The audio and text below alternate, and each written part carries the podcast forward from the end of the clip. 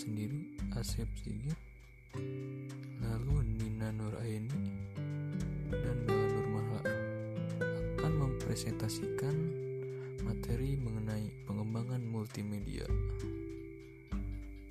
Langsung saja menuju pematerian. Bismillahirrahmanirrahim. Baiklah, di sini saya Fitri Nur Aini sebagai pemateri pertama dari kelompok 10 yang membahas mengenai pengembangan multimedia. Pengertian dari multimedia adalah perpaduan bermacam-macam media seperti teks, animasi, gambar, video, dan lain-lain. Kemudian disatukan berbentuk file digital dengan bantuan komputer yang berguna untuk menyampaikan informasi atau pesan. Multimedia dibagi menjadi dua kategori, yaitu multimedia linier dan multimedia interaktif. Multimedia linier adalah multimedia yang tidak dilengkapi dengan alat pengontrol yang dapat dioperasikan oleh pengguna, Contohnya seperti TV dan film. Lalu, multimedia interaktif adalah multimedia yang dilengkapi dengan alat pengontrol yang dapat dioperasikan oleh pengguna, sehingga pengguna dapat memilih apa yang dikehendaki untuk proses selanjutnya. Contoh dari multimedia interaktif adalah pembelajaran interaktif, aplikasi game, dan lain-lain. Lalu selanjutnya elemen multimedia interaktif. Yang pertama ada teks. Teks adalah kombinasi kalimat yang bertujuan untuk menjelaskan materi pembelajaran yang dapat dengan mudah dan cepat dipahami oleh pembacanya. Lalu selanjutnya yang kedua grafik. Grafik merupakan salah satu komponen penting multimedia. Di sini e, contoh dari grafik adalah gambar. Lalu selanjutnya yang ketiga gambar. Gambar merupakan bentuk informasi berupa visual. Gambar dikembangkan dengan menggunakan komputer atau perangkat lunak sehingga lebih menarik dan efektif jika digunakan dalam multimedia pembelajaran. Yang keempat yaitu video. Video adalah media yang dapat memvisualisasikan simulasi pada benda nyata. Video merupakan sarana penyampaian informasi yang memiliki kelebihan, yaitu menarik, langsung, dan efektif. Yang kelima yaitu animasi. Animasi dapat diartikan penggabungan teks, gambar, dan suara dalam suatu pergerakan. Dalam menciptakan suatu gerakan, e, disebut animasi perlu digunakan teknologi berupa komputer. Lalu yang keenam yaitu audio. Audio diartikan sebagai bunyi berbentuk digital seperti musik, suara, narasi, dan lain-lain. Suara dapat didengar untuk suara latar yang menarasikan informasi atau pesan dan lain-lain. Lalu yang ketujuh, interaktivitas elemen. Interaktivitas merupakan elemen penting di dalam sebuah multimedia interaktif. Elemen interaktivitas sangat memanfaat komputer, memanfaatkan komputer dan ditampilkan menggunakan komputer. Beberapa aspek interaktif dapat berupa navigasi, permainan, dan latihan. Jika multimedia diberikan kemampuan untuk dapat dikontrol oleh pengguna, maka multimedia tersebut dapat disebut interaktif multimedia. Sekian yang dapat saya sampaikan. Selanjutnya mengenai manfaat multimedia pembelajaran interaktif. Menurut Munir tahun 2015 halaman 113 terdapat beberapa kelebihan penggunaan multimedia pembelajaran interaktif dalam pembelajaran. Yang pertama, pembelajaran akan terasa lebih interaktif dan inovatif. Lalu yang kedua, sebagai pendidik dituntut agar bisa kreatif serta inovatif dalam mendapatkan terobosan pembelajaran. Yang ketiga, dengan penggunaan multimedia dapat menggabungkan berbagai media seperti teks, audio, gambar, video, animasi, dan lain-lain dalam satu kesatuan yang mendukung satu sama lain untuk tercapainya tujuan pembelajaran. Yang keempat, motivasi siswa dalam belajar selama proses pembelajaran dapat meningkat sehingga tujuan pembelajaran yang diharapkan dapat tercapai. Lalu yang kelima, dapat memudahkan dalam memvisualisasikan materi yang sulit menggunakan alat konvensional atau alat peraga. Nah, yang terakhir, melatih siswa untuk belajar mandiri dalam mencari dan mendapatkan ilmu pengetahuan. Lalu selanjutnya mengenai karakter multimedia. Karakter multimedia interaktif dalam pembelajaran karakteristik multimedia interaktif di antaranya yang pertama memiliki lebih dari satu media yang konvergen misalnya menggabungkan unsur audio dan visual. Lalu yang kedua bersifat interaktif yaitu memiliki kemampuan mengakomodasi respon pengguna. Lalu yang, yang terakhir bersifat mandiri artinya memberi kemudahan kelengkapan isi sehingga pengguna bisa menggunakan tanpa bimbingan orang lain. Selanjutnya, perkenalkan nama saya Nina Nur Aeni. Di sini saya akan menjelaskan tentang pengembangan multimedia.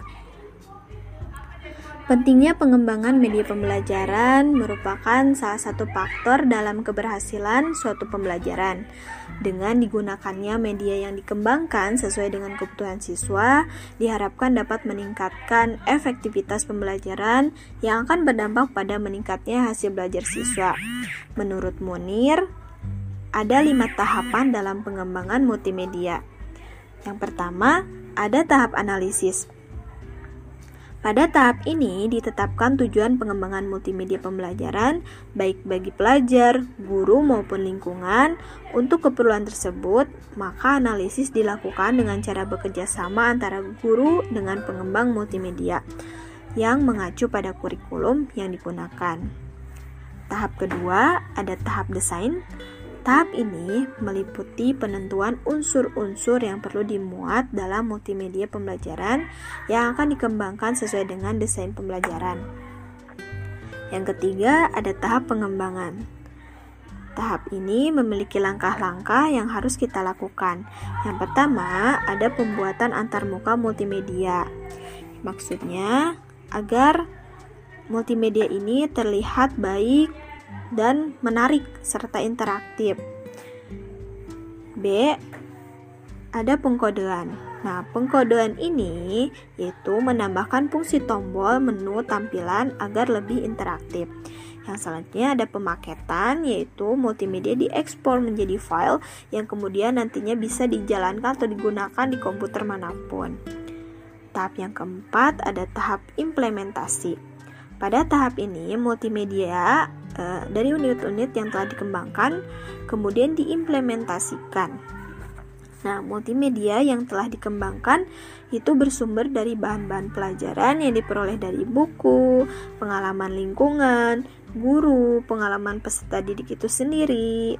Nah, dalam multimedia pembelajaran ini, siswa juga diberi kebebasan untuk mencari informasi di luar dari materi yang telah diberikan agar hasil yang mereka capai selama latihan atau uh, selama pembelajaran itu uh, bisa lebih dikembangkan. Tahap kelima ada tahap penilaian. Uh, tahap ini yaitu untuk mengetahui secara pasti kelebihan dan kelemahan software uh, yang telah dikembangkan, yang nantinya akan uh, ada perbaikan agar multimedia itu lebih sempurna. Cukup sekian yang disampaikan. Terima kasih. Materi selanjutnya yaitu sistem multimedia. Multimedia terdiri dari komponen-komponen pendukung. Yang pertama, perangkat keras, yang kedua, perangkat lunak, yang ketiga, kreativitas, yang keempat, organisasi. Yang pertama, perangkat keras. Dalam perangkat keras, penggunaan untuk dapat menjalankan multimedia minimum diperlukan beberapa perangkat keras yaitu VGA, monitor komputer, keyboard, CD receiver, dan speaker. Dalam perangkat keras, pengembangan sama dengan perangkat keras penggunaan dengan tambahan beberapa komponen yaitu mikrofon, video monitor, eksternal modem, printer, dan scanner. Nah, jadi perangkat keras itu alat yang digunakan untuk suatu proyek tertentu. Contohnya seperti komputer, smartphone, dan lain-lain. Yang kedua, perangkat lunak.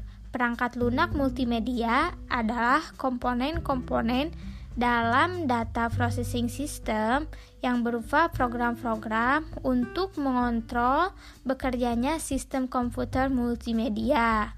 Perangkat lunak yang secara khusus e, ditunjukkannya itu untuk membuat aplikasi yang disebut multimedia authoring system atau sering disebut juga authoring software seperti pada Adobe Photoshop, seperti Adobe Director dan lain-lain. Uh, jadi uh, kalau perangkat lunak itu seperti yang ada di dalam komputernya. Contohnya itu seperti pada Adobe Photoshop. Adobe Photoshop itu uh, untuk mengedit gambar atau foto. Yang ketiga, kreativitas ide atau gagasan dan rancangan multimedia membutuhkan kreativitas untuk membuat dan mengembangkan multimedia yang menarik. Kreativitas dapat muncul dan berkembang jika mengetahui, mengenal, dan terampil menggunakan perangkat keras dan perangkat lunak. Nah, dalam pengemanfaatan multimedia sebagai sarana untuk mempermudah suatu proyek, e, di mana kita bisa membuat hasil karya yang berbeda dari yang lain dan lebih menarik lagi dari produk multimedia yang lainnya. Nah, sebagai contoh dalam pengerjaan suatu proyek video, kita bisa menggabungkan sistem perangkat lunak satu dengan yang lainnya, sehingga hasilnya itu dari penggabungan tersebut menjadi suatu pro produk yang berbeda. Yang keempat, organisasi. Organisasi sebagai wadah multimedia. Organisasi diperlukan untuk membuat dan mengorganisasikan garis besar serta rencana rasional yang memerinci keterampilan, waktu, biaya, dan sumber daya yang diperlukan. Organisasi ini akan memudahkan pengarsifan dan pelaksanaan protokol-protokol yang sudah dibuat. Nah, sebagai contohnya itu, mengevaluasi hasil pekerjaan siswa dengan siswa mengembangkan multimedia yang sudah disiapkan, maka e, ditemukanlah hasil evaluasi yang jelas dan terperinci e, untuk memudahkan dalam pengarsifan data.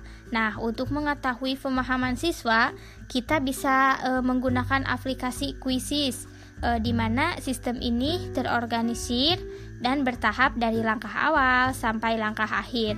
Nah, itu kan agar kita bisa e, mengetahui hasil pengerjaan siswanya.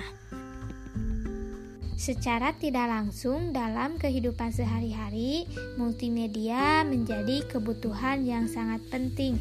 Contohnya seperti komputer, film, video, TV, dan sebagainya. Nah, itu merupakan bagian-bagian dari multimedia. Alhamdulillahirrahmanirrahim. Mungkin sekian pemaparan materi dari kelompok kami. Kurang lebihnya mohon maaf. Wassalamualaikum warahmatullahi wabarakatuh.